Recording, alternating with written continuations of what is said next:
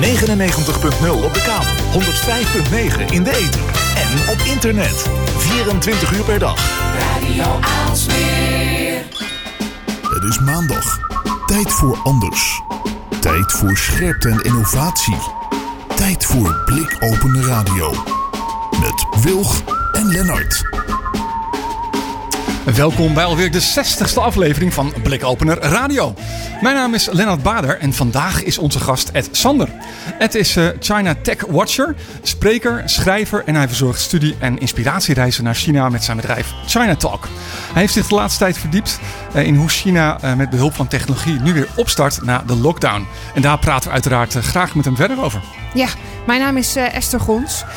Dat lijkt me inderdaad heel relevant. Zeker nu de Nederlandse, Nederlandse economie en ook in Europa met langzaam versoepelende maatregelen, ook met technologie, probeert de boel weer een beetje te kunnen monitoren en op te starten.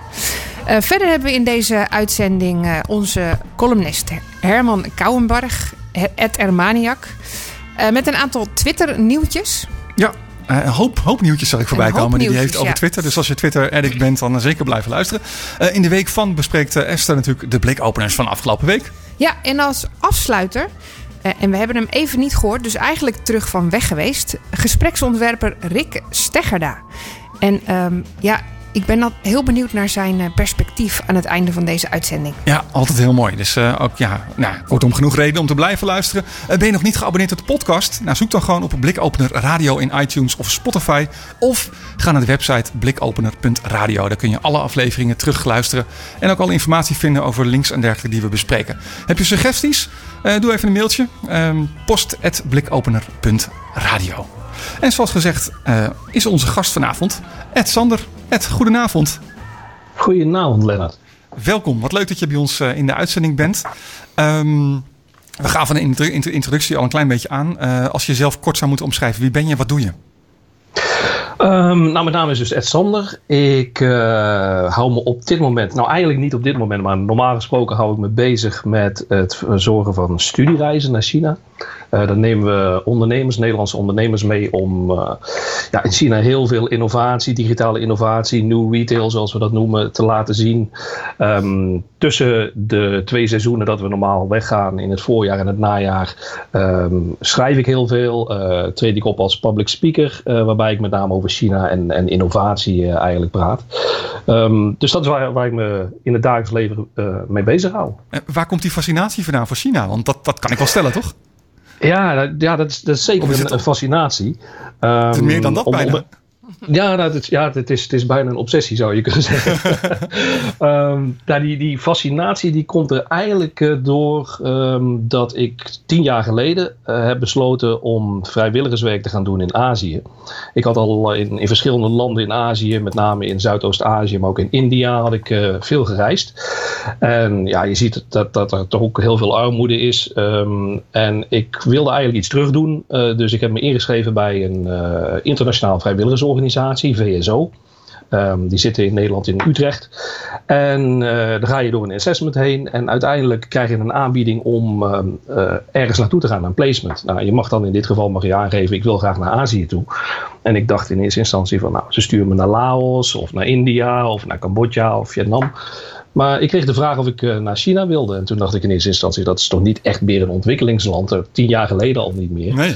Um, maar uh, ik vond het wel heel erg interessant. En ik heb daar ja tegen gezegd. Dus ik heb ruim twee jaar in Xi'an gewoond. De stad die bekend is vanwege het terracotta leger onder andere. En ik heb daar echt bij, bij Chinese NGO's, bij, bij kleine goede doelen in, uh, in een Chinese organisatie heb ik gewerkt.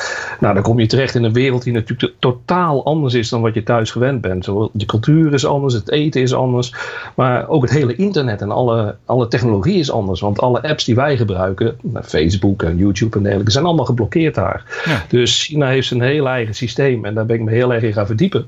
Onder andere ook vanwege het werk wat ik, uh, wat ik deed voor die organisaties. Um, ja, en dan, dan, dan ja, raak je daar zo door gefascineerd hoe snel het gaat en, en hoe anders het is. Dat, dat laat je nooit meer los. Dus ook nadat ik ben teruggekomen in Nederland, ben ik daarover blijven schrijven. Ik ga heel regelmatig nog naar China toe. Onder andere ook omdat ik met een Chinese dame getrouwd ben. ben. Dat, dat zat eigenlijk niet in de planning toen ik naar China ga. het bloed kruipt waar het niet gaan kan. Ehm, dus, uh, dus ik heb ook een schoonfamilie heb ik in China zitten. En daaruit is eigenlijk in eerste instantie zijn, uh, is heel veel schrijfwerk ontstaan. Er zijn lezingen uit ontstaan voor het hoger onderwijs.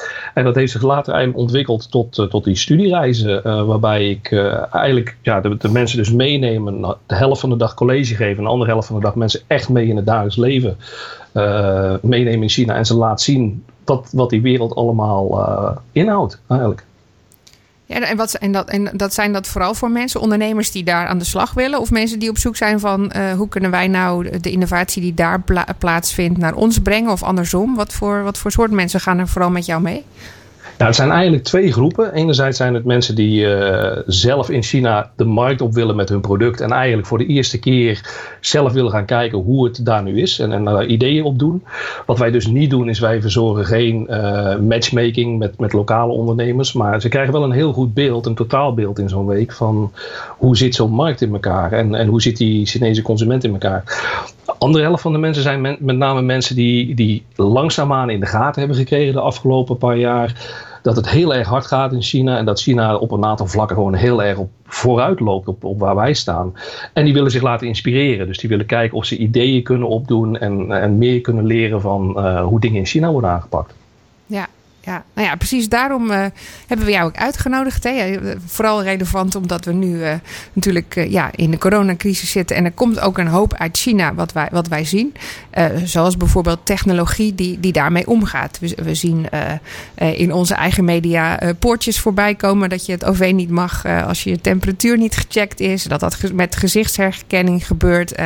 dat er QR-codes in omloop zijn met je, met je gezondheid die dan een kleur krijgen. Dus we hebben eigenlijk een beeld van een soort van ja, uh, Big Brother is watching you. Ja, totale eh, controle staat. totale controle staat. Uh, de, de overheid in China weet precies wie waar is en of je dan wel of niet ziek bent. En, en, en daar hangt alles aan vast. Hè. En, en daar associëren we wellicht ook al het systeem mee dat, dat daar in plaats is. Communisme natuurlijk, ja. Ja, en, en er, wa er, waren natuurlijk al controles op het, op het gebied van gezichtsherkenning. Dus nu er ook in Nederland, in Europa over een app gepraat wordt, dachten wij wellicht is interessant om te vragen hoe dat nou echt werkt in China met met, apps? En, en is dat ook een manier voor hen om uit die lockdown te komen? Ja, ja. ik hoop niet dat je van mij uh, ideeën wilt hebben hoe wij het kunnen aanpakken in Nederland, want die kan ik helaas niet geven. Uh, nee, nee, wat ik ga vertellen, dat zou absoluut niet, uh, niet mogelijk zijn in, in Nederland en in, in Europa, in de westerse wereld sowieso. Kijk, in China is het zo dat de overheid ehm, heel veel data van mensen bijhoudt. Um, ze, de, en de burger is dat ook gewend. De, de overheid heeft veel meer een soort van vaderlijke rol voor het volk. En de, het volk die verwacht ook dat de overheid hen beschermt. Dus wat je aan apps hebt zien ontstaan, um, dat zijn vooral tools om te zorgen dat mensen eigenlijk het, het normale dagelijks leven weer in kunnen. Weer naar de supermarkt kunnen, weer kunnen gaan werken en dergelijke. Um, en zij zien uh, dat als rol van de overheid om hen daarbij te helpen. Dus veel meer dan wat wij hier zien in Nederland. Waar als je dan een weekend naar zo'n Appathon zit te kijken, dan gaat het er ja. toch heel erg over. Uh, hoe zit dat met de privacy? Hè? En, en dan is het privacy is het uitgangspunt. Um, in China is dat helemaal omgedraaid. Uh, het is niet zo dat er geen privacy is in uh, China. Zeker op het gebied van uh, private technologiebedrijven zijn er best wel strenge regels. Die hier en daar best wel in de buurt komen van, van de Europese regelgeving die wij hier hebben. Ja? Maar dat, dat is op zich verrassend, zou ik bijna zeggen. Dat zou, ja, zou ik dat, niet zo... Dat is wel een inzicht. Dat klopt en dat verwachten een hele hoop mensen niet. De, de uh, cybersecurity wetgeving, uh, maar ook een, een, aantal wetgevingen die in de pipeline zitten, die komen heel erg in de buurt van de GDPR die wij in, in Europa hebben. Maar dan wel voor de private sector. Ah. Als je gaat kijken naar de overheid, dan heeft de overheid veel grotere rechten om data te verzamelen. Waarbij het wel zo is dat de centrale overheid uh, wel bepaalde regels oplegt voor lokale overheden, die meestal het uitvoerend werk doen. Um, maar ja, die, die, mogelijkheden van, van die overheden die zijn, die gaan veel verder. En, en dat vindt de burger ook niet vreemd, want dat zijn ze altijd al gewend geweest. Onder Mao Zedong uh, en, en alle uh, uh, leiders van de communistische partij die daarna zijn gekomen, hebben zij altijd al hun data gedeeld. En um, dat is voor hun dus ook niet vreemd. Dus dat uitgangspunt van privacy bestaat daar eigenlijk helemaal niet. Het is eigenlijk wordt het omgedraaid en gezegd van het uitgangspunt is dat wij verwachten dat de overheid ons beschermt en ons een veilige omgeving geeft. En als dat betekent dat wij daar bepaalde persoonlijke data voor op moeten leveren, dan, ja, dan doen we dat.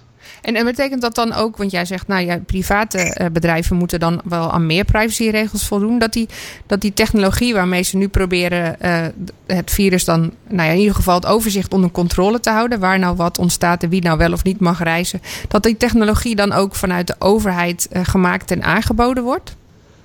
Nou, Hebben zij daar dan de kennis is, voor? Nou, wat dat betreft is het net zoals in Nederland. De, de, overheid in China, de overheid in China kan het ook niet zelf. Ze gaan geen appathon organiseren, maar ze gaan wel naar de grote technologiebedrijven gaan ze toe. En die zeggen van nou jongens, wij willen een, een bepaalde technologie in het leven roepen. Wij kunnen dat niet zelf maken. Dus jullie gaan ons daarbij helpen. Zij, zij, gaan eigenlijk naar de Alibaba's en de Baidu's, wat de zoekmachine is in China. En Tencent, de bedrijf achter WeChat, een hele grote chat-app in eh, China. Daar gaan ze naartoe en ze zeggen van ga ons helpen bij het maken van deze technologie. En dat soort bedrijven, die hebben die kennis wel. En die voeren dat dan in principe uit voor de overheid. Waar dan uh, het grijze gebied zit, is dat heel veel mensen zich afvragen van oké, maar die een Alibaba of een Tencent heeft ook heel veel data van mij. Wordt die dan ook gebruikt in die apps die zij voor de overheid maken? Nou, dan zeggen Alibaba en Tencent zeggen beide van nee, nee, dat doen we niet. Maar er staat nergens, kijk, wat wij in, in zo'n appathon gaan wij meteen vragen van stuur de source code eens even op. Dan gaan we die eens even, ja. gaan we die eens even flink met de stofkam uh, gaan we er doorheen dit weekend. Maar uh, in, in China, de apps die ze daar gebruiken, dat is één grote black box. Dat is onduidelijk welke informatie daar nou precies ingaat, welke algoritmes daarop draaien en waar die uitkomsten van die gekleurde codes groen, dan mag je gewoon gaan en staan waar je wil. Geel, dan moet je een week blind blijven. En rood moet je twee weken binnen blijven. En waar dat nou precies op is gebaseerd, dat weet eigenlijk niemand. Nee, hm. nee want dus behalve locatiedata, waar ben je nou precies geweest, kan, kan ik me voorstellen dat juist uh, uh, bedrijven als uh, Tencent en, en, en Alibaba ook, ook data hebben over je aankoopgedrag. Ik weet niet of je daar ook medicijnen via dat soort platforms kan kopen of, of nou ja, iets anders. ja, dat kan natuurlijk zomaar meegerekend worden. Ja, er is één case bekend en dat was volgens mij Meituan. Uh, Meituan Jianping is een bedrijf wat ook thuis bezorgt. Een soort van thuisbezorg.nl, maar dan voor, uh, ook voor boodschappen en, en andere aankopen. Um, en die heeft op een gegeven moment een keer uh, laten vallen dat zij aankopen van bepaalde koortsmedicijnen, maar ook hoestdrankjes en dergelijke. Als, als bepaalde consumenten dat kochten, dan moesten ze dat doorgeven aan de overheid. Want ja, dan zouden die mensen wel eens in zo'n risicogroep kunnen vallen. Dus het is, het is allemaal heel erg vaag en ambiguous en onduidelijk wat er nou precies in die data allemaal verwerkt wordt. Je zei het al in het begin al even van uh, toen je daar was ja, Facebook en zo, dat is er allemaal geblokkeerd. Hè? Uh, voor mensen die daar niet zo thuis in zijn. In, in China is er volgens mij een heel erg ander gebruik van apps en diensten. En uh, wordt er veel meer gedaan met mobiel en met het WeChat wat je al aangaf. Kun je ons een, korte overzicht geven van hoe, hoe anders dat daar is? Nou, uh, sowieso wat heel erg anders is. Ik geloof dat op dit moment iets van 65, 70 procent van de mensen heeft internet. Er is dus nog steeds 30 procent van de mensen die geen internet heeft. En dat is vaak op platteland en dat zijn de, de oudere groepen. Um, maar de mensen die wel internet hebben, gebruiken het veelal op een mobiele telefoon. Dus je, je hebt gezien dat, dat toen de smartphones kwamen, en met name bedrijven als Xiaomi, die hele goedkope smartphones gingen maken met hele goede kwaliteit, dat het ja, eigenlijk de internetpenetratie geëxplodeerd is in China. Dat betekent dat het, het dagelijks leven voor heel veel Chinezen via de mobiele telefoon gaat. Die, de meesten die hebben geen desktop of, uh, of laptopcomputer. Dus het gaat allemaal via de telefoon en het gaat via apps die wij hier niet gebruiken, zoals een WeChat. En dat is begonnen als chat-app, een beetje vergelijkbaar met, uh, met WhatsApp. Ja. Maar daar kon je al heel snel kon je taxis mee bestellen. Daar kon je boodschappen mee laten bezorgen. Daar kon je mobiel mee betalen met QR-codes. Dus je kunt je hele leven eigenlijk via zo'n zo'n app, en nou, een, een, variant daarop of een alternatief is Alipay. Wat uh, van de Alibaba groep is. Ja. Uh, daar kun je je hele leven kun je daarmee sturen. Van het bezorgen van maaltijden tot, uh, tot het bezorgen van boodschappen, tot het afsluiten van verzekeringen, uh, het, het, boeken van hotels. Noem het maar op. Alles wat wij in allemaal verschillende appjes doen.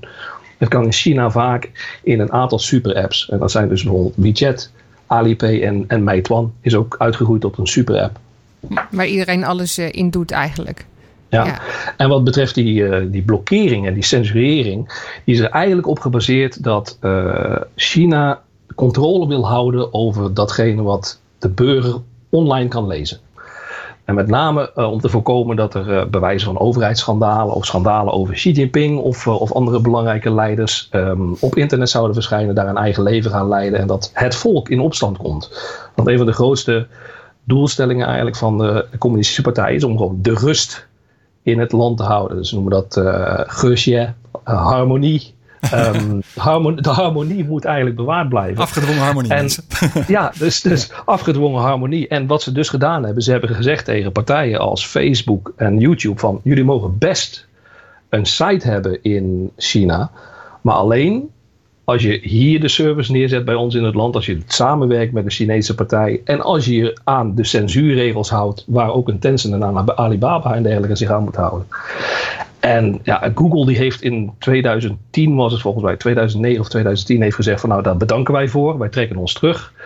Um, maar er zijn de afgelopen jaren ook partijen als Facebook geweest die hebben gezegd van nou ja, misschien moeten we dat toch maar eens gaan onderzoeken, want dat is toch wel een hele grote markt. Wat vervolgens dan leidt natuurlijk tot heel erg veel protest vanuit het Westen richting Mark Zuckerberg van waarom ga je met die Chinezen samenwerken om, om het internet te censureren. Dus dat ligt heel erg gevoelig. Ja, kan ik me ook wel voorstellen ook.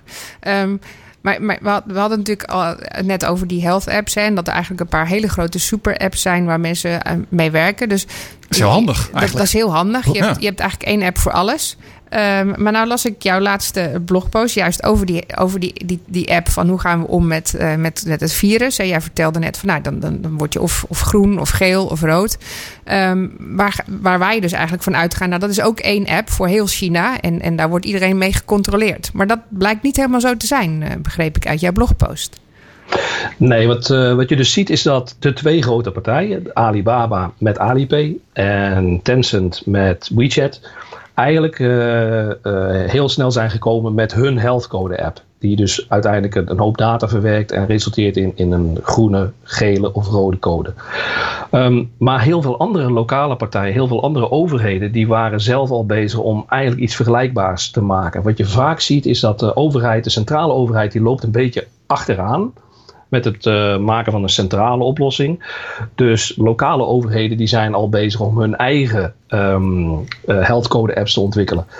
Die draaien dan vervolgens wel weer vaak in WeChat en in Alipay, want dat is een soort van ecosysteem waarbij je, waarbinnen je zogenaamde mini-programs kunt bouwen. Dus iedereen die kan zijn eigen mini-program bouwen en dat draait dan wel in, in WeChat. En er, op een gegeven moment waren er ruim 100 verschillende health code apps van allerlei verschillende steden, provincies wow. en een enorme wildgroei. Maar betekent dat dan um, ook dat die allemaal op een andere manier op hun, met hun eigen algoritme uh, besloten of dat groen, geel of rood ging zijn? Ja, dat, dat, zou, dat zou dus heel goed kunnen, inderdaad. En door die wildgroei, wat je vervolgens dan als probleem krijgt, is dat zolang je binnen je eigen stad blijft, is het ja, dan gebruik je de app die bij jouw stad hoort. Maar reis je van Guangzhou naar Shanghai, dan word je bij aankomst in Shanghai gevraagd van laat eens even jouw, jouw code zien of jouw kleur zien. En als je dan jouw app opstart en zegt van ja, maar dat is, dat is de app van Guangzhou, die accepteren wij hier niet. Dan moet je vervolgens weer een tweede app installeren. En als je dus heel veel door China heen reist, dan staat bewijs van je, je hele WeChat vol met allerlei mini-programs van, van allerlei verschillende health code apps. Dus wat ze nu aan het doen zijn, is de overheid die is uh, bezig, de centrale overheid is bezig om daar eigenlijk een standaard voor af te spreken over al die verschillende apps heen. Zodat uh, bepaalde lokale apps uh, apps van andere steden gaan accepteren. Zodat je eigenlijk gewoon met de code van Hangzhou straks ook gewoon het openbare leven in Shanghai in kunt. Ja, en dat is eigenlijk wel heel bijzonder, want je verwacht natuurlijk eigenlijk in een land als China dat, daar, dat de overheid komt met één app, ook een soort van super health app, ja. die dan verplicht door iedereen gebruikt zou kunnen worden. Ja, ja. Waarom is dat dan niet zo? Is dat omdat zij dan uh, juist ook afhankelijk zijn van die private sector om die, om die app te ontwikkelen? Of zijn daar de regio, dat... uh, regio's net zo sterk als hier bijvoorbeeld de landen in Europa? Ja, ik, ik denk dat uh, inderdaad wat je zegt is een, een provincie in China is een beetje vergelijkbaar met uh, een, een, land in Europa. Er is dus ook vrij veel is er gedecentraliseerd naar de provinciale overheid en, en de overheid in de steden. en die uh, worden het eerst natuurlijk ook geconfronteerd met het probleem dat zij mensen weer aan het werk willen krijgen. Zij krijgen vervolgens krijgen zij ook vaak bepaalde targets krijgen zij opgelegd van de, opgelegd van de overheid. Van nou, we willen eigenlijk dat je nu 50% van je productie weer hervat kunt hebben. Dus de noodzaak voor dat soort apps die uh, ontstaat veel eerder op een, op een regionaal niveau. En dan gaan die regio's die gaan daar zelf oplossingen voor verzinnen. Dan krijg je dus inderdaad, zoals ik vertelde, die wildgroei. En uiteindelijk probeert de overheid dat dan weer onder controle te krijgen. Wat ook vaak meespeelt daarnaast, is um, dat regionale overheden ook vaak um, willen laten zien dat ze het heel erg goed doen. Dus dan willen ze als eerste willen ze zo'n app uitvinden, zodat ze tegen de centrale overheid kunnen zeggen van kijk eens wat voor moois wij hebben ontwikkeld. En dat zo'n centrale overheid zegt van dat ziet er goed uit. Dat gaan we uitrollen naar het hele land. Dus dat punten scoren zeg maar, van de lokale overheid. Dat, uh, ja, het systeem in het politiek systeem in China werkt namelijk ook zo. Dat als je het heel erg goed doet op lokale overheid. Dan groei je door naar een leider op provinciaal niveau. En dan kan je uiteindelijk, kan je, als je het heel erg goed doet, in het uh, politbureau terechtkomen in Beijing. Dus hmm. iedereen wil laten zien, ook op regionaal niveau, hoe goed ze doen. Want dat kan heel erg goed zijn voor je carrière, voor je politieke carrière. Ja, ja, en dan gaan ze eh, vlug aan de slag met allerlei technologieën om dat, uh, om dat voor elkaar te krijgen. En, en die, ja. en die um, beelden die wij dan zien van bijvoorbeeld het OV, waar je dan alleen in mag als je je, als je, je gezicht scant en je geen koorts hebt, is dat dan ook overal? Hè? Want dat, dat ervaren wij zo. Dat is dan in heel China zo. Of is dat toevallig ook één stad die, die, die uh, aan het pochen is met zijn technologische vooruitgang? Nee, dat, dat wisselt ook weer heel erg. Dat, uh, ik weet dat in Beijing in een aantal metrostations hebben ze dat uh, geïnstalleerd. Dat, uh, je loopt door een poortje heen, dan wordt er eigenlijk gemeten wat je temperatuur is. En dat is eventueel zelfs weer gekoppeld aan gezichtsherkenning. Yeah. Dat ze ook meteen weten wie je bent. Mocht je doorschieten, uh, mochten ze je niet op, op, tijd tegen kunnen houden, dan, dan weten ze je toch wel weer te vinden. Um, maar er zit dus heel erg veel verschil in. Ook hoe streng dat wordt gedaan. ja, dat zal van de ene stad naar de andere stad zal het heel erg, uh, erg verschillen. Wat dat betreft, het is heel erg versplinterd. En dat beeld wat wij hebben, um, waar ik ook over schreef in, in mijn laatste blogpost, het beeld van die Big Brother, die één enorme database heeft waar alle informatie van iedereen in zit. Dat bestaat eigenlijk grotendeels niet. Het is een versplintering. Het is heel erg regionaal is het vaak. En overheden willen vaak geen data met elkaar uitwisselen. Want ja, als je, die data is macht voor zo'n overheidsdivisie uh, oh, of, of orgaan. Ja. Oh.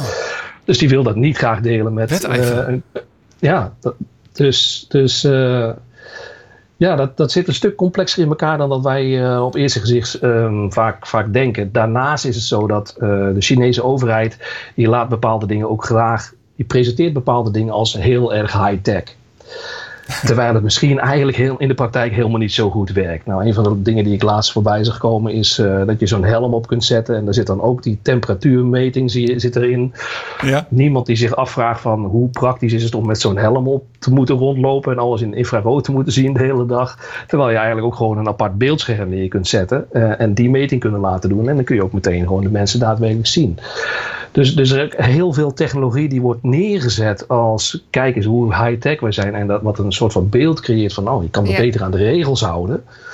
Want uh, als ik dat niet doe, dan staat daar die, die politieagent met die, uh, met die uh, artificial intelligence bril op. En die, die weet mij te vinden. Of de Boston Dynamics hond die in het park rondloopt. ja, dat is in Singapore. Hè? Dat, ik geloof het wel, ja.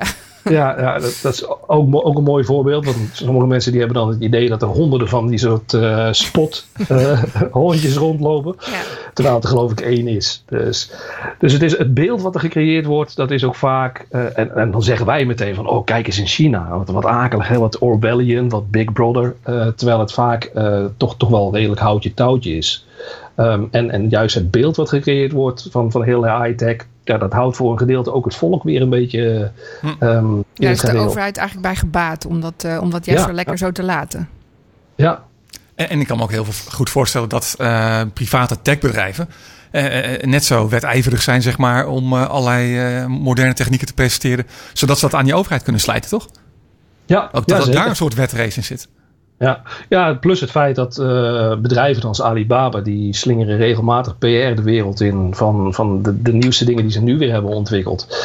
Uh, die in de praktijk weet ik um, uit het veldwerk wat we dan in China doen, vaak helemaal niet zo, helemaal niet zo geavanceerd zijn of helemaal niet zo goed werken. Nou, een heel mooi voorbeeld is, ze hebben nou laatst een, een promotiefilmpje van Eurleme, wat hun maaltijdbezorgdienst is, hebben ze op internet gezet. Waarbij een bezorger in een exoskeleton uh, eigenlijk drie uh, kratten met, met maaltijden eigenlijk kan, kan bezorgen. Maar die man die loopt zo, zo traag. Dat het is koud als het aankomt. Tegen de, tegen de tijd dat je maaltijd aankomt, dan, ja, dan, is, dan is die bijna die bevroren. Dus. dus dat zijn van die dingen waarmee ze laten zien van kijk eens hoe high-tech wij zijn. Maar het is vaak helemaal niet praktisch. En het is vaak meer PR dan, uh, dan dat het werkelijkheid is. Ja, dan is het eigenlijk nog op, uh, op uh, pilot niveau. Dan zijn ze nog aan het oefenen met hoe ze daar nou iets, iets daadwerkelijk mee kunnen doen. Inderdaad. En, en dat is wel weer iets wat dan tegelijkertijd weer bewonderenswaardig is in China. Uh, in China zie je dat er uh, bepaalde ideeën heel snel in de markt worden gezet. Uh, in, de, in, de, private sector ook. Neem bijvoorbeeld onbemande winkels. Die worden heel snel uitgerold. En waar wij dan uh, met een Amazon Go in Amerika of met een onbemande winkel van Albert Heijn met, met één of twee van die winkels aan het experimenteren zijn een paar maanden lang, een paar maanden lang dan is China in drie jaar tijd eigenlijk zo'n hele leercyclus al helemaal doorgegaan. En is dan vaak veel verder in dat, uh, dat, dat leerproces. En daardoor door juist concepten in de markt te zetten die nog niet helemaal klaar zijn, leren zij veel meer en leren zij veel sneller. Ja, dus dat durven ze eigenlijk veel meer. Zoals, ja zoals ze daar ook gewoon gewend zijn om daar sneller van te leren waarschijnlijk. Ja, inderdaad. Ja. Ja, misschien een, een, leuke les voor. Ik kan zeggen, is, is, dat ja. een, uh, is, is, dat een mooie les? Wat, wat, wat, wat, um, wat, wat kunnen we van China leren? Dat is natuurlijk een hele, hele brede vraag, maar als je iets, iets zou moeten uitpikken. Ja, nou, een van de dingen die ik uh, vaak uh, probeer duidelijk te maken, ook tijdens de studiereizen. Ik neem mensen ook uh, vaak mee naar locaties, juist waar ik ze laat zien dat dingen niet zo mooi werk als dat de PR je wil laten denken. Maar juist het, het feit dat ze veel meer experimenteren, veel meer uitproberen en daar dan vervolgens de goede levensvatbare ideeën uithalen. Terwijl wij meestal iets helemaal doorontwikkelen. Ja. En het dan pas in de markt zetten. Daar kunnen we wel iets van leren. Dat we meer moeten experimenteren, meer moeten durven te, te leren van onze eigen fouten ook. In plaats van ja, echt het, het absolute optimale product in de markt te willen zetten steeds. Ja, heel goed. Ja, ik sta hier als uh, start-up uh, ondernemer en coach helemaal achter. Dit vind ik een mooi inzicht. Dank je wel. Dat is goed. Als, uh, als mensen meer over um, jou of over China zouden willen weten, waar kunnen ze terecht? Um, mensen kunnen terecht onder andere op uh, onze website chinatalk.nl. Um, nou, daar vind je het laatste nieuws, je vindt video's. Uh, nou, dit gesprek zal er morgen ook ongetwijfeld op onze site staan. Ja. Uh, maar ze kunnen e-books downloaden, video's van presentaties. Eigenlijk alles wat we, wat we hebben gemaakt, wat we produceren, is, is daar terug te vinden. En als uiteindelijk alle grenzen weer open gaan en China laat ook weer buitenlanders binnen, want dat zit natuurlijk helemaal op slot nu, dan, dan kunnen mensen daar ook informatie vinden over de, de reizen die we verzorgen. Hmm. Voor mij kan jij niet wachten om terug te gaan. Ik kan niet wachten, nee. En um, ik durf je wel te zeggen dat, uh, dat ik eigenlijk waarschijnlijk me in Beijing veiliger zou voelen dan nu hier thuis. Ik, zit, ik woon ook in het, uitbre het uitbreikgebied hier in, in Brabant. Ja. Dus uh, nee, wat, wat, wat, wat, dat betreft zou ik heel graag uh, weer in China zitten. Ook om, om wat praktisch veldwerk te kunnen doen. Uh, intussen blijven we gewoon heel erg veel content produceren. Ja, ja, dat zagen we op je blog inderdaad. Dus, nou, uh, precies. De laatste twee uh, blogposts uh, van jou sluiten ook mooi op deze discussie aan. mochten mensen terug willen lezen, dan, dan kan dat daar. Heel goed. Ja. Ed, dankjewel voor je bijdrage vanavond. Ja, heel graag gedaan. Heel jullie bedankt. Goed, dankjewel Ed. Um, nou, tot zover inderdaad China. we gaan door met ehm, onze columnist Herman Kouwenberg. We gaan in de tussentijd even contact zoeken, natuurlijk via de Skype ook met hem.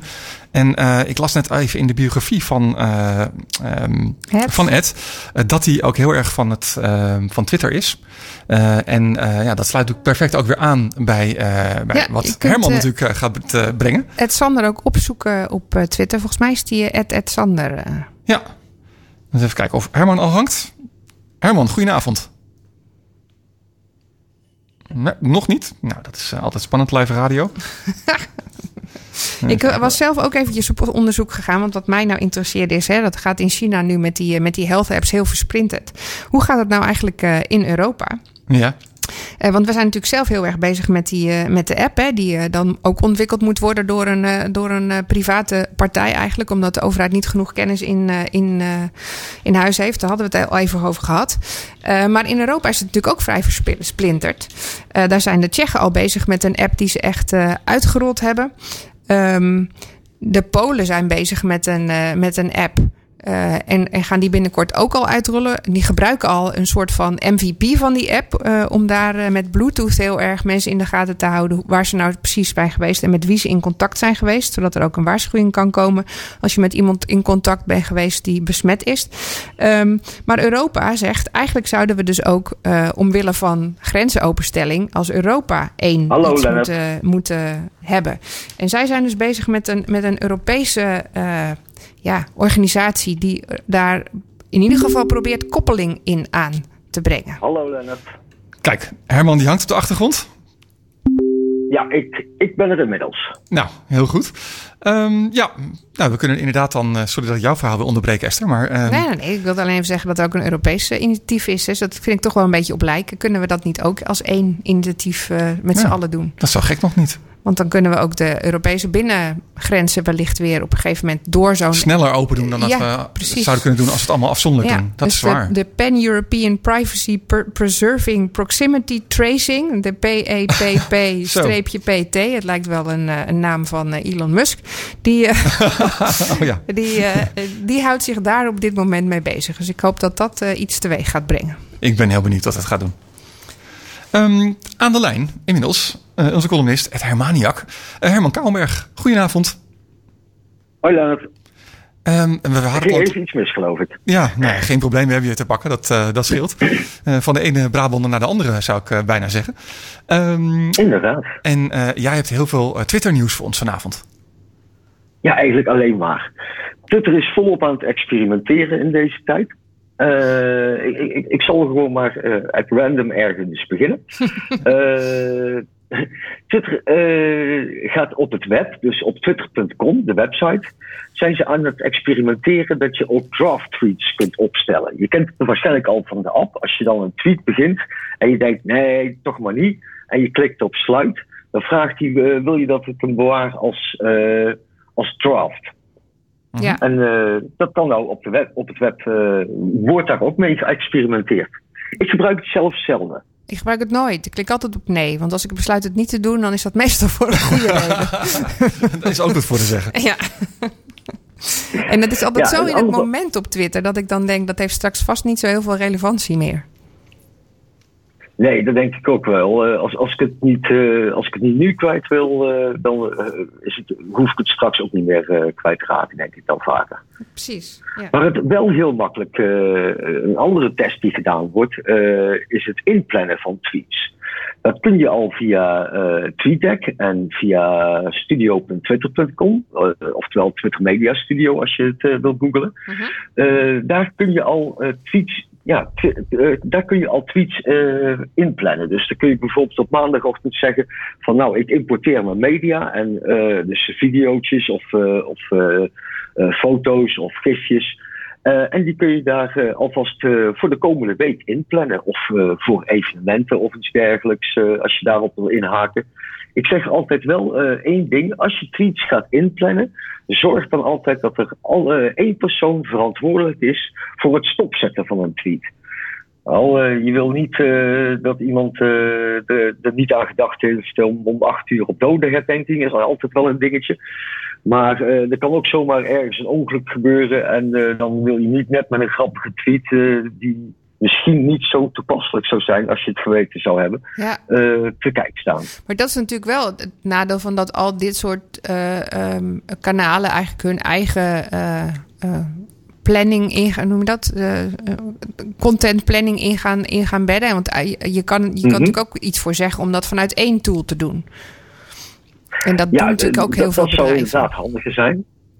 Dat doen heel veel bedrijven, maar eh, ook al eh, gebruiken ze een tool, dan zie ik toch nog vaak dat, iemand, eh, dat niet iemand verantwoordelijk is daarvoor. om, om dat soort dingen stop te zetten mocht het gebeuren. Ja, een soort last check van de realiteit. Nou, geen last, geen last check, maar eigenlijk gewoon een eh, 24 uur per dag standby. Ja. Ja. Het, het gaat niet om de inhoud van de tweet. Het gaat op het moment van de, dat de tweet verstuurd zou worden. Al, eh, stel, stel dat je drie maanden geleden al allerlei tweets over eh, leuk vakantieplannen had ingepland. Ja. Nou, dan denk ik dat je aardig te kijken staat als je daar op dit moment eh, Nou. mee, mee komt. Zeker als het betaalde advertenties zijn. Ik eh, heb er serieus nog eh, genoeg voorbij zien komen op Instagram, hoor, moet ik je vertellen. Dat ik denk van, nou, dit, dit kun je niet, eh, dit is niet zo slim eh, getimed, eh, mensen. Dan boek, boek je vakantie nu naar dat- dat whatever.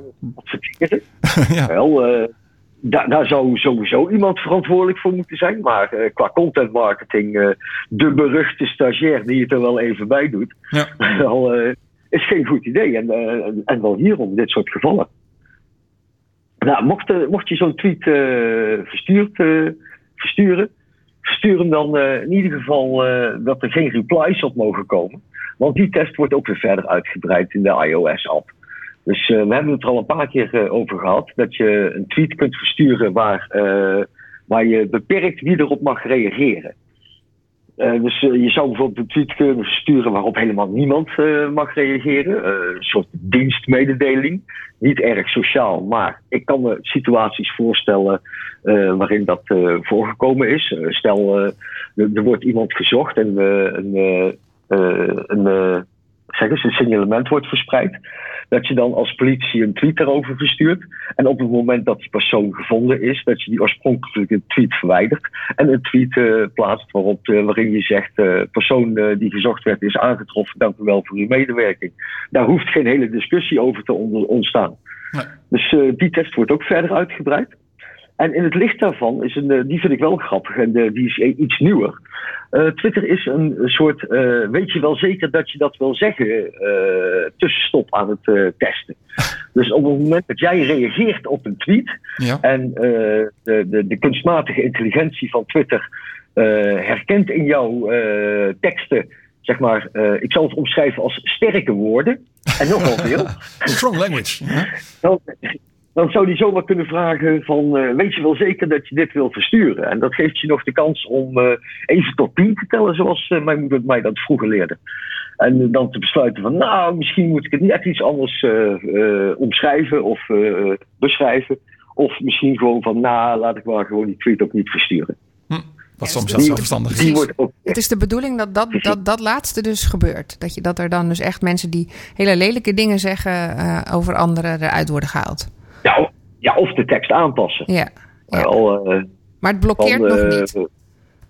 Want daar, Nee, daar nee, werd nee, ook over altijd, gesproken. eh, ook, ook, ook al eh, staan er de meest verschrikkelijke dingen in, dan kun je hem nog versturen. Maar eh, dan loop je wel kans dat eh, de andere regels van Twitter in werking eh, treden. Ja. En daar zijn ze niet mals om. eh, zeker op het gebied van COVID-19 eh, zijn er al eh, heel veel uitingen verwijderd eh, die nergens op sloegen. Heel Eh, over COVID-19 gesproken. eh, het is al eh, eventjes geleden, maar Twitter heeft, wordt, daar hebben we het ook al vaker over gehad, wordt heel vaak gebruikt als onderzoekstoel. In, in het verleden kon je dan nog heel grappig zeggen dat Twitter bijvoorbeeld in de, gebruikt werd om te kijken hoe de griep zich verspreidde. In- bij het eh, COVID-19-virus eh, is dat niet het geval, omdat je het al kunt hebben zonder dat je er last van had. Maar je, kunt, je kon daar vroeger heel goed. eh, aardbevingen zijn er ook al mee eh, voorspeld. Dat mensen al op Twitter lazen dat er een aardbeving aankwam. En dat ze daarna pas de schokken echt daadwerkelijk voelden. Omdat ze ver van de epicentrum af zaten. Nou, Twitter heeft eh, een API waarin alle tweets staan eh, die wereldwijd verstuurd worden. En voor wetenschappers die analyses willen doen over COVID-19-tweets, hebben ze de API-regels. eh, normaal gesproken kost dat best wel veel geld om daar eh, op aangesloten te zijn. En nou kun je met een gegronde reden kun je daar zomaar toegang toe krijgen om COVID-19-tweets te onderzoeken. Daar hebben we nu nog niet zoveel aan, maar ik denk dat in de, de da- dagen, eh, als, als we. Als, zeg maar, als het vaccin gevonden is, dat we daar eh, nog interessante inzichten uit kunnen halen. Ja, misschien ook wel voor de geschiedenisboeken. Hoe, eh, hoe, hoe deed dit zich ontwikkelen onder de, onder de mensen? is ook wel een leuke. Ja. Ja, Dit is dus ook alle tweets op API-toegang. Dus ook de tweets die verwijderd zijn uit de timeline van jou. Dus ook alle, alle onzinprekers kunnen daar weer door onderzocht worden. nou gelukkig niet Eh, drafts. Ja, nog niet, nee. ik hoop het niet voor je. Eh, een andere leuke die ik, die ik persoonlijk als uh, zakelijk gebruiker heel erg op prijs stel, is dat er experimenten gezi gezien zijn waarin quoted tweets voortaan gaan meetellen in je engagement stats. Ik heb het altijd heel erg vreemd gevonden. Als je een tweet liked of als je een retweet of zelfs als je hem via mail verstuurde aan iemand, dan kon je dat zien in je engagement stats. En dat kon je dus daarom kon je ook zakelijk sturen. Maar als iemand een tweet quote tweeten, dus stel dat jullie iets tweeten en ik quote over de uitzending en ik quote tweet die met ik ben vanavond als columnist aanwezig, dan deelde die niet mee in jullie engagement stats. En ook de activiteiten die daarop gedaan werden voor mensen die hem likten of retweeten niet. Wat en dat vond ik eigenlijk best wel gemeen. Ja. Ja. Want het is net zo goed ja, een retweet als, een, als een andere retweet. Alleen je zegt er nog iets leuks bij. Ja, klopt. Wel, dus, dus eigenlijk is het een extra compliment en dus ook een extra engagement. Daarom uh, vind ik het heel fijn dat dat uh, gaat plaatsvinden. Dan heb ik nog een laatste tip voor jullie. En dat is weer een, iets, iets wat je kunt opzoeken als je het leuk vindt. Weet, weten jullie wat hashflags zijn? Kan me niet ik kan me wel maar... herinneren dat we toen we de, de, bijvoorbeeld de, de voetbalwedstrijden hadden, dat als je dan uh, je eigen hashtag van je land deed, dat er dan een, een automatisch bij Twitter zo'n vlaggetje van je land bij kwam. Ja. Ja, ja klopt. En die, die worden nog steeds heel veel, veel gebruikt. En uh, dat zie je ook. Uh, dingen. Soms is het echt onverwacht. Want ik had het laatst ook dat ik een hashtag tweet die plotseling een, hoe heet het? een, een hashtag zou hebben. En toen, toen kreeg ik die te zien en toen dacht ik van, goh, hoe zit dat ook alweer? En we hebben het al eens vaker over Jane Manchung Wong gehad. Of uh, die naam zal het je misschien niks zeggen, maar dat is een, een, een dame uit Hongkong die steeds in de code van allerlei apps duikt en daar allerlei nieuwe tests en dingen. Dus, wat ik je vertel, nu dat dat in het live gezien is, heeft zij al drie maanden geleden een tweets over, over. En zij heeft iets gebouwd en dat heet de Hashflag Browser. Als je gewoon Hashflag Browser in de Google intypt, dan kom je daarin. Uh, in. En dan zie je alle hashflags die gebruikt worden. En als je er dan op, uh, op klikt, dan zie je ook uh, de, de, hashtag die erbij hoort. En je kunt zelfs doorklikken naar alle mentions erover. Ja, grappig. De visuele hashflag zoeken. Heel goed. Herman, dankjewel voor je bijdrage deze week. Graag gedaan. En uh, zo gaan we door met uh, de week van. Esther, ja. wat viel je op afgelopen week? Mijn uh, blikopeners. Nou, afgelopen week viel me eigenlijk best veel op... waar ik het al een keer eerder over had, heb gehad uh, in Blikopener Radio. bijvoorbeeld over mondkapjes. Daar had ik het natuurlijk over gehad. Dat dat, dat eigenlijk een mode-item aan het worden is. Vooral in andere landen. Maar nu is het mondkapje natuurlijk ook uh, binnenkort in Nederland verplicht. Vooral in het uh, OV bijvoorbeeld, als je daarmee op reis wil. Uh, en gingen er mensen naastig op zoek naar mondkapjes. Maar zo zijn er heel, heel, heel veel bedrijven die daar al op voorbereid waren. Waar je ze dus ook kan, kan vinden. Zo kon je bij Disney bijvoorbeeld alle interessante mondkapjes met en zonder Mike Wazowski van Monsters Co. vinden. Maar is G-Star ook in Nederland uitgerold met een, een echte modieuze G-Star mondkapje? uh, werd ik uh, de week ervoor al uh, gebombardeerd met advertenties van bijvoorbeeld Bol en Vistaprint en zelfs de HEMA over mondkapjes in verschillende eigen stijlen. dus ja, je ziet dat dat nu echt een ding aan het worden is in heel Europa. Ehm, je kunt ze blijkbaar ook gewoon van sokken maken, want ook op YouTube komen hier de instructiesvideo's voorbij. En dan, uh, ja, wat me nog meer opviel, is eigenlijk ook waar ik het al eerder over gehad heb. Uh, streaming is natuurlijk heel groot aan het worden. Uh, wij hebben vorige week een proefabonnement op ook de nieuwe streamingdienst van Amazon genomen. behalve Netflix en, en um, bijvoorbeeld. Um, nou, ben ik even, even, de naam kwijt. Uh, ja, Apple TV, die we ook al hadden. Hebben we nu ook uh, Amazon uh, toegevoegd aan het geheel. Amazon Prime. Dus je ziet dat, daar, dat er echt een strijd gaat aan plaats van de is op content. Hè, wie, wie biedt nou de, de beste? ga je ze allemaal nemen? en Netflix verliest daar natuurlijk best wat aandeel in. Want die had eerst alles. Dan had je één abonnement om alle toegang te hebben tot, tot al die content. En dat wordt natuurlijk nu steeds lastiger. Um, het grappige is dat Amazon nu helemaal niet zo duur is. En je vraagt je af welke content bieden ze dan? Maar ze bieden verrassend goede content. Maar daar doet Amazon iets heel slims. Uh, want je krijgt niet alleen toegang tot, uh, tot alle films en uh, series die ze hebben, ook eigen content, maar uiteraard gewoon ook tot hun hele platform. Dus je bent meteen members van Amazon Prime met gratis bezorging, bezorging in het weekend. je krijgt toegang tot hun premium Twitch account. gewoon om even te laten zien waar ze nog meer allemaal goed in zijn. En ik kan me zo voorstellen dat als je dat allemaal weet, dat ze dan langzaam de prijs kunnen op, gaan opvoeren. In andere landen is dat inmiddels al veel hoger dan wat zij nu aanbieden. Maar ze proberen natuurlijk gewoon als platform voet aan de grond te krijgen. Want zover zijn ze nog niet. Nee. En, ja, en dat deed me eigenlijk denken aan waar ik het al eerder over had. Bijvoorbeeld die film die ik, die ik keek via een streamingdienst, Trolls. Uh, Trolls on Tour in Europa is van uh, Universal Pictures. En die hadden besloten om uh, die film niet in première te laten gaan in de bioscoop. Dat hadden ze al voor corona besloten. Dus dat kwam mooi uit dat ze, hè, dat, dat nu ook kon. en er is een keer een test te doen wat er zou gebeuren als ze deze film alleen online in première zouden laten gaan. En in plaats van meteen dat voor altijd als ze uh, op een streamingdiensten zeggen, zetten, hebben ze ervoor gekozen om te zeggen: Nou, je kunt die film nu 48 uur kijken voor 20 dollar. Uh, en daarna komt hij wel een keertje weer op de rest van de streamingdiensten. Maar daar, met die manier van in première gaan, dus dat thuispremière, hebben ze toch 200 miljoen kunnen binnenhalen. En dat, dat is eigenlijk vele malen hoger dan alle voorspellingen die ze hebben gedaan over die film in première. En of dat wel of niet een succes zou zijn om dat niet in een bioscoop te doen. En dus is Universal Pictures nu aan het kijken. Welke films zouden wij nog meer in première kunnen laten gaan zonder die bioscoop? Uh, want nu zijn alle films eigenlijk uitgesteld omdat het niet in bioscoop kan. Dus dat is een beetje nu het gevecht aan het worden.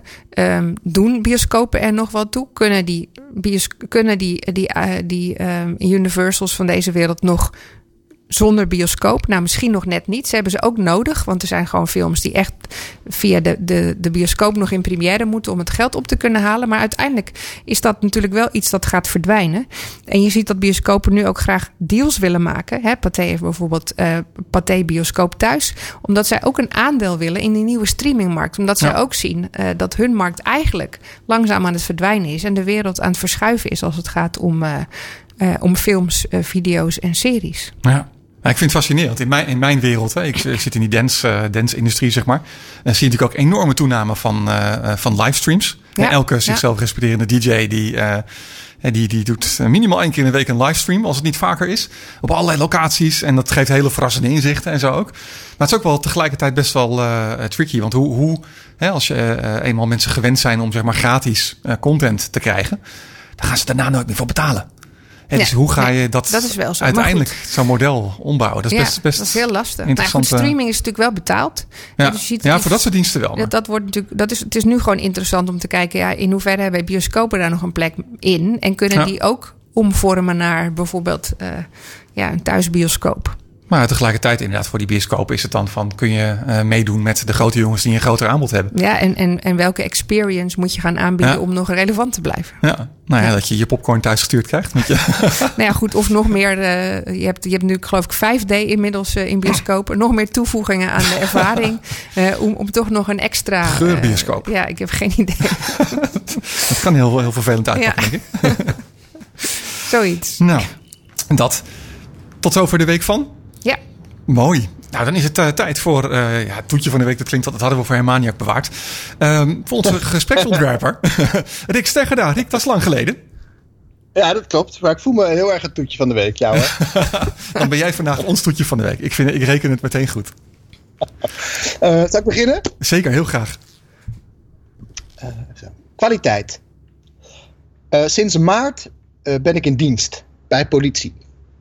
Ik werk aan een nationaal kwaliteitsprogramma. De politie is een organisatie die altijd in beweging is en die ook structureel te weinig mensen heeft om u, de burger, van dienst te zijn. Want wij zijn nooit gesloten, altijd open, 24 uur per dag bereikbaar. Er moet dus altijd iemand zijn, ook al zijn er te weinig mensen. Je kunt je voorstellen dat dat iets doet met de kwaliteit, als je je voortdurend je personeel overvraagt. Klinkt dat niet bekend? De afgelopen weken hebben we als maatschappij hetzelfde gedaan bij onze artsen en verplegers. Ze werkte in diensten van 12 uur. Een dag en een nacht in twee dagen. En dan twee dagen rust. En dan weer een dag en een nacht. Mensen zoals jij en ik, met kinderen en ouders en vrienden, doormalend. Ik lees en hoor de wens en de verwachting dat alles anders zal worden. Nu we een system shock ervaren en daarbij een sociaal experiment beleven, hebben we de kans om de zaken opnieuw in te richten. We zien dat we enorm afhankelijk zijn van internationale contacten, zelfs wat betreft mondkapjes. Zouden we dat meer in eigen hand moeten houden? Testen zijn alleen afneembaar bij een farmaceutgigant. Zouden we daar meer regie over moeten hebben? We zien dat veel mensen hun inkomen verliezen. Is er een bestendiger manier van geld verdienen? Meer intern produceren? Is het basisinkomen misschien toch geen gek idee? Er is een lijst van vitale beroepsgroepen. Ik noem ze nog maar eens. Zorg, jeugdhulp, productie en transport van medicijnen en medische hulpmiddelen, leraren en schoolpersoneel, openbaar vervoer, de voedselketen, transport van brandstof, afvaldiensten, kinderopvang, media en communicatie aangaande de crisis, hulpverleningsdiensten zoals meldkamer, brandweer, politie, defensie, ambulancezorg, crisisbeheersing en tot slot alle noodzakelijke overheidsprocessen, betalen van uitkeringen en toeslagen, burgerzaken, consulaten en ambassades en justitiële inrichtingen. Wat je mist zijn alle bullshit beroepen. De beroepen die ervoor zorgen dat je meer koopt van iets dat je in beginsel misschien niet nodig had. De marketing en commercie blijken niet vitaal te zijn, al zijn ze jaren heilig verklaard in ons neoliberale politiek. Marktwerking is niet de heilige graal. Maar ik maak me geen illusies. Die marketingbubbel zal terugkeren. Het oude normaal. Omdat mensen afleiding willen. En juist nu vinden dat ze vakantie, ontspanning, mooie spullen verdienen. De mensheid wil bedrogen worden, zei Tijl Eilenspiegel. Toch heb ik een hoop dat er wellicht iets structureels gaat veranderen. In een intieme lunchlezing bij politie zei Jesse Klaver dat hij iets fundamenteels had geleerd tijdens de vorige economische crisis in 2008. Het toenmalige kabinet sneed in de kosten voor politie, zorg, onderwijs, zeg maar een niet onaanzienlijk deel van de vitale beroepen. Om er vervolgens achter te komen dat wat je snel wegsnijdt in die branches niet zomaar terug te halen is als je het weer nodig hebt. Vrij vertaald, je hebt overcapaciteit nodig als het gaat om vitale beroepsgroepen. Soms gebruik je niet alle capaciteit, maar als het echt nodig is, staat het tot ons aller beschikking. Vitale beroepen vragen ademruimte, zowel in capaciteit als voor de mensen die erin werkzaam zijn. Hals over kop moest er opgeschaald worden naar 1600 IC-bedden. Het liefst gaan we structureel naar 1750. Maar dat duurt jaren, want die mensen hebben we niet. De politieopleiding is met een jaar ingekort om het nijpende gebrek aan agenten sneller te compenseren. Maar ben je op je 21ste klaar om te handhaven? Mogen we die offers vragen van mensen in vitale beroepsgroepen? Het antwoord lijkt me evident. We moeten investeren in de basis, in het vitale. We moeten durven zeggen, we besteden altijd zoveel procent van ons geld aan wat we echt belangrijk vinden. Een neoliberaal zegt dan, dat is inefficiënt. Iemand met een hart voor mensen zegt, dat is van levensbelang. Laat dat inzicht en bijbehorende politieke keuzes tenminste de resultanten zijn van deze pijnlijke periode. Ja, mooi. Maar ik vraag me dan altijd uh, af, uh, Rick, hoe lang moet zo'n shock duren om, om ook echt dat inzicht te krijgen? Of, of, of willen we allemaal straks zo snel mogelijk weer terug om online dan maar dingen te kopen? Ja, dus volgens mij is het en-en. Dus ik denk dat dat kopen terugkomt. Dat, dus het, het, het zou me ook alleen maar gaan om, dat, om die vitale groepen of zo. Dat ik denk, als we daar wat meer vlees op de botten hebben. Ja, ik. ik um... ja, over alles wat eigenlijk belangrijk is. Want ik, ik zie dat zelf ook. Um, dus bedrijven die wij. Bedrijven zetten nu alles op slot. Maar alles wat belangrijk is, waar je dus eigenlijk nu over na zou moeten denken. Dus niet alleen vitale beroepen, maar ook um, hoe gaan wij er in de toekomst uitzien? Of uh, hoe willen we dingen juist nu veranderen? Dat, dat heeft juist nu, nu geen budget. En eerder misschien, eerder misschien ook niet. Daar, daar wil je juist wat aan doen, hoor ik. Ja, ik heb toch het idee dat het niet zozeer een kwestie is van geld, maar in eerste instantie een, echt een kwestie van het hoofd of van keuzes die je maakt. Ja. Dus um, uh, waar ik misschien wat cynischer over ben, dat mensen zeggen het gaat allemaal veranderen, dat moet ik eerst nog maar, dat moet ik eerst nog maar zien. Maar ik geloof wel dat Ehm, ik geloof niet dat dit het einde is. Ik denk dat we nog wel uh, eerder weer, of later nog weer in een soort lockdown gaan. Misschien een soort lockdown light of, of, of wat dan ook. Maar, mm -hmm. maar denk hoe langer het doorsuddert of hoe langer een tweede of een derde golf is, hoe uh, evidenter dit wordt. Dat het geen incident was, maar dan zal het langer bij ons blijven. En dan zullen deze keuzes ook uh, in die zin voor die groepen onontkoombaar zijn. Ja. En, um, en dan denk ik dat je nou ja, letterlijk een herwaardering hebt um, uh, van, van wat we belangrijk vinden. Ja. Maar dat, dat is natuurlijk wel lastig, want dat herken ik heel erg. Veranderen is natuurlijk ook vooral heel, heel, heel hard werken. Dan moeten mensen heel hard iets voor gaan doen. En, en dat is natuurlijk het moeilijkste voor de meeste mensen. Nou, dus het, het, het, mijn punt is eigenlijk uh, waar ik het heb over die efficiëntie. Mensen, dat is natuurlijk zo lang een, een uh, uh, ontzettend belangrijk geweest. Als we elke, elke gulden en elke euro maar goed besteden. Ja. ja. Volgens mij, als je echt, echt 1750 bedden wil hebben, ja, dan moet je dus ook gewoon mensen hebben die af en toe thuis zitten en die niet iets zitten te doen. En dan besteed je dus iets meer aan zorg of aan politie of aan onderwijs dan dat je nodig hebt. Maar dat is gewoon een buffer die je nodig hebt op dit soort momenten. Of om die hele groep van mensen gewoon gezond te houden. Ja. Het is natuurlijk wel frappant hè, dat de, de groepen zeg maar, die op het Malieveld gestaan hebben de afgelopen jaren... Uh, dat ja. dat de groepen zijn die nu het hardst aan het werk moeten. Ja, ja dat is ook uh, op een bepaalde manier natuurlijk ook cynisch. Maar ja. dat klopt. Ik hoop, ik hoop gewoon uiteindelijk... Uh, ik, over alles kan ik niet zoveel zeggen. Maar ik hoop gewoon dat dat nou, ik vind dat toch een soort hart of zo. En dat gaat ook iedereen aan. Politie, zorg is voor iedereen. Iedereen wil uiteindelijk gewoon uh, uh, dat zijn boef gevangen wordt. Of een bed als die ziek is. Weet je, dus dat is zo collectief. Als dat zou veranderen, dat zou ik al best wel. Uh, nou, dat zou ik toch wel winst vinden na deze crisis. Ja, Zeker. Mooi ik vind, gezegd. Ik vind het een mooie afsluiting, ja. Dick. Dankjewel voor je bijdrage. Wat fijn je weer te horen vandaag. Ja, nou, tot snel. Tot snel, Dick. Dankjewel. Um, en daarmee komt er een eind aan deze aflevering van Blikopener Radio. Volgende week is uh, Linda Nieuwenhuis de gast. En zij is Senior Manager Business Line diensten uh, bij Centraal Beheer. Volle mond. Een hele volle mond. En we gaan volgende week eens horen hoe dat zit. En met haar team bedenkt en ontwikkelt ze innovaties waarmee ze het leven van hun klanten makkelijker kan maken. Zodat ze meer tijd, ruimte en geld overhouden voor de dingen die er echt toe doen. Ja, dat klinkt ook mooi. Uh, dus volgende week een nieuwe aflevering van Blikopener Radio. Tot dan. Tot volgende week.